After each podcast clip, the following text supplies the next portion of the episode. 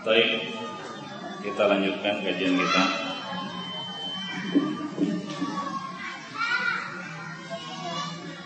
Uh, kemudian ikhwan fillah azani Allahu ajma'an. Perlu kita ketahui bahwa masa depan umat ini kejayaan umat ini ada pada manhaj salaf. Ya. Apabila umat ini ingin jaya sebagaimana jayanya para pendahulu kita, maka syaratnya adalah mereka harus kembali kepada manhaj pendahulu mereka.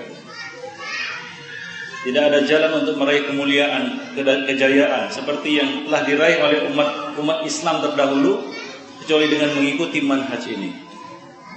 Dalam hadis Hudzaifah bin Yaman radhiyallahu anhu ia mengatakan Rasulullah sallallahu alaihi wasallam bersabda Takunun nubuwatu fikum masya Allah an takun thumma yarfa'uha.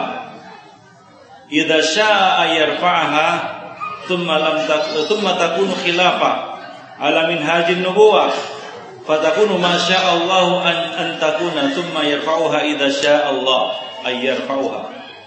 Thumma takunu mulkan 'addan fayakunu masya Allah ayyakun thumma yarfa'uha idza syaa'a ayyarfa'uha ayyarfa'aha Thumma takunu mulkan jabariyan fatakunu masya Allah an takun thumma yarfa'uha idza syaa'a yarfa'aha. Thumma takunu khilafa ala minhajin nubuwah thumma sakata. Rasulullah sallallahu alaihi wasallam mengatakan kamu umat Islam akan berada di bawah naungan zaman nubuat hingga batas waktu yang telah dikehendaki oleh Allah Subhanahu wa taala Kemudian Allah Subhanahu wa taala akan mencabutnya pada saat yang telah dikehendakinya. Itulah zaman nubuwah. 23 tahun Nabi Shallallahu alaihi wasallam berdakwah.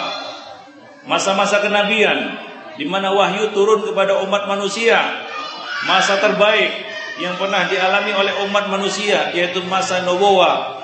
Kemudian Allah Subhanahu wa taala mencabutnya pada saat yang telah dikehendakinya dengan mewafatkan nabinya ya, dengan mewafatkan Nabi.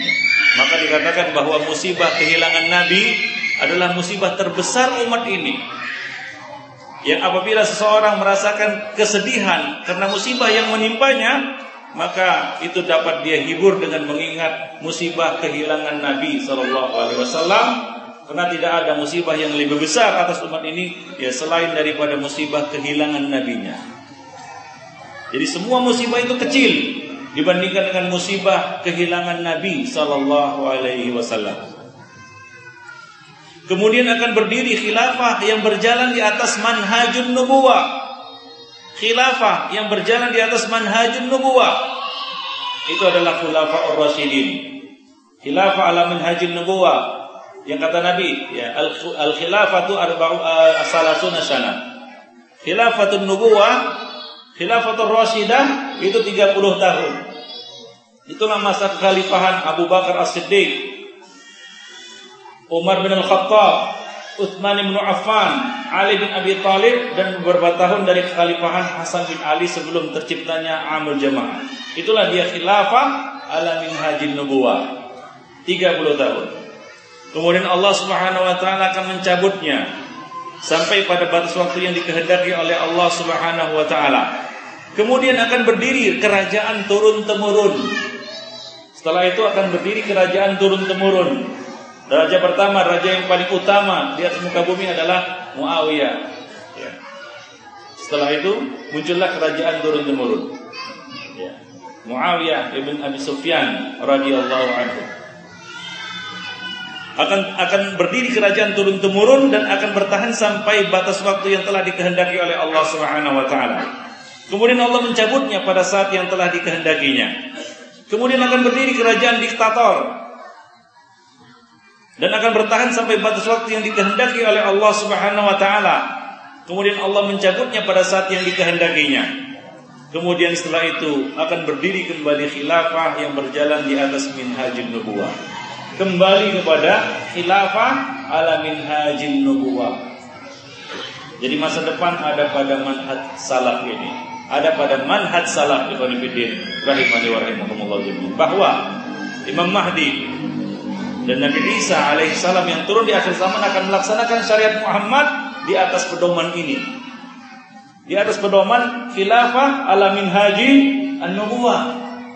Sebagaimana awalnya dahulu Ikhwanifidin Nabi mengatakan setelah zaman kenabian akan ada uh, khilafah ala haji nubuah. Itulah dia khilafah yang di apa namanya kita katakan dipegang, yang dijalankan oleh para ulama, para sahabat-sahabat Rasulullah sallallahu alaihi wasallam. Ya. Khilafah Abu Bakar, Umar, Utsman dan Ali. Nah, demikian Ikhwanifidin. Kemudian Rasulullah sallallahu alaihi wasallam diam. Demikian.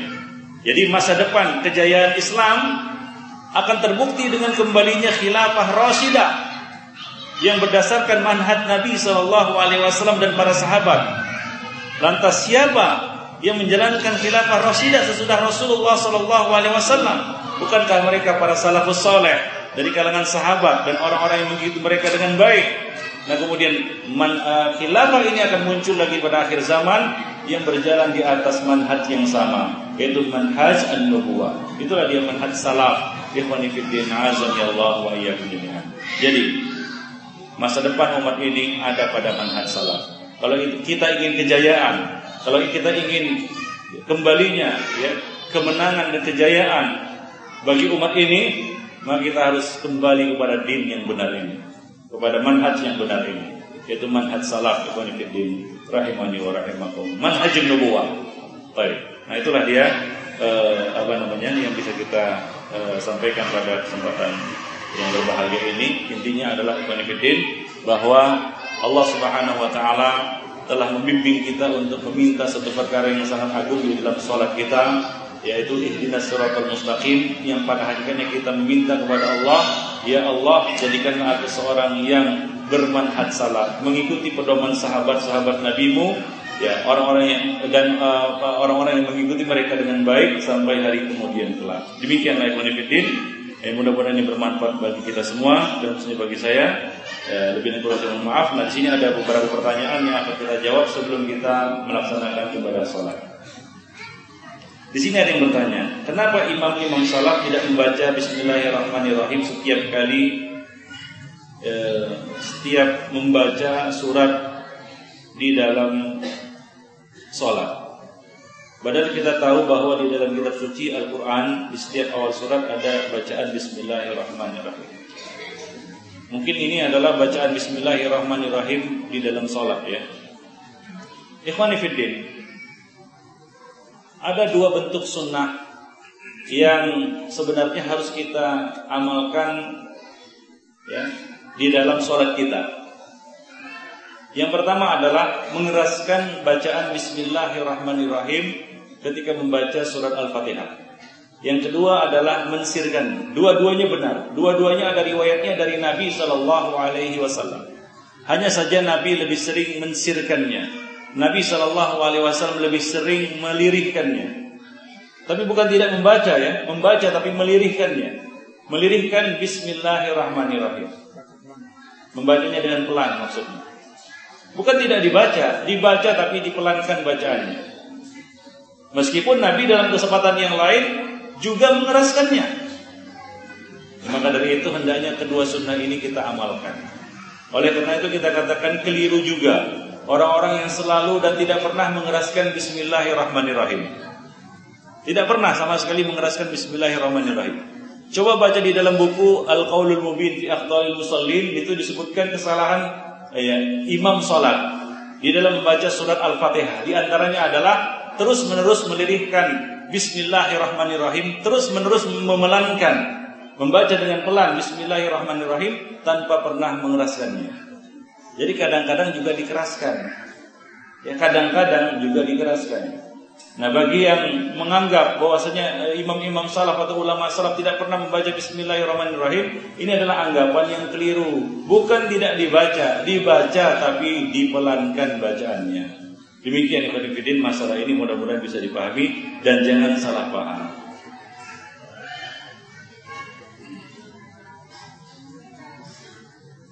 Apakah bertambah keharaman rokok di area masjid? Mohon penjelasannya. Ya tentunya ikhwan Nabi mengatakan la darar wala. Tidak boleh memudaratkan diri sendiri dan tidak boleh memudaratkan orang lain. Dan rokok masuk dalam kategori ini untuk memudaratkan diri sendiri dan memudaratkan orang lain. Di mana perokok pasik itu juga merasakan akibat buruk dari rokok yang dihisapnya. Bahkan pengaruhnya lebih buruk lagi daripada yang merokok aktif. Rokok pasif itu lebih buruk keadaannya, apa namanya, pengaruhnya dari rokok itu daripada yang merokok aktif. Ya, lebih-lebih lagi kalau di masjid, bukan kaum muslimin saja yang terganggu.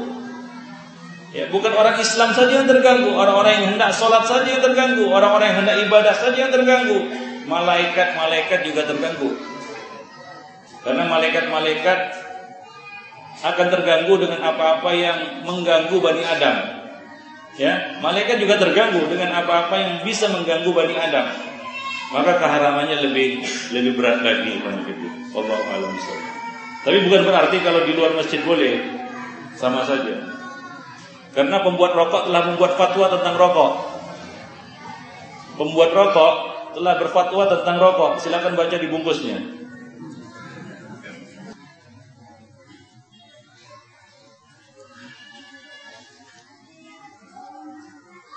Bolehkah kita bersyahadat di dalam solat dengan lafal Ashhadu an la ilaha illallah wahdahu la syarikalah wa asyhadu anna Muhammadan abduhu wa rasuluh. Ya, ada riwayat ini. Wallahu a'lam ini mungkin ada riwayatnya. Baik. Ada yang bertanya yang terakhir? Ustaz, Anda mau bertanya tentang masalah pernikahan. Bolehkah seseorang ta'aruf dan nazar terlebih dulu dan enam bulan kemudian baru mengkhidbahnya?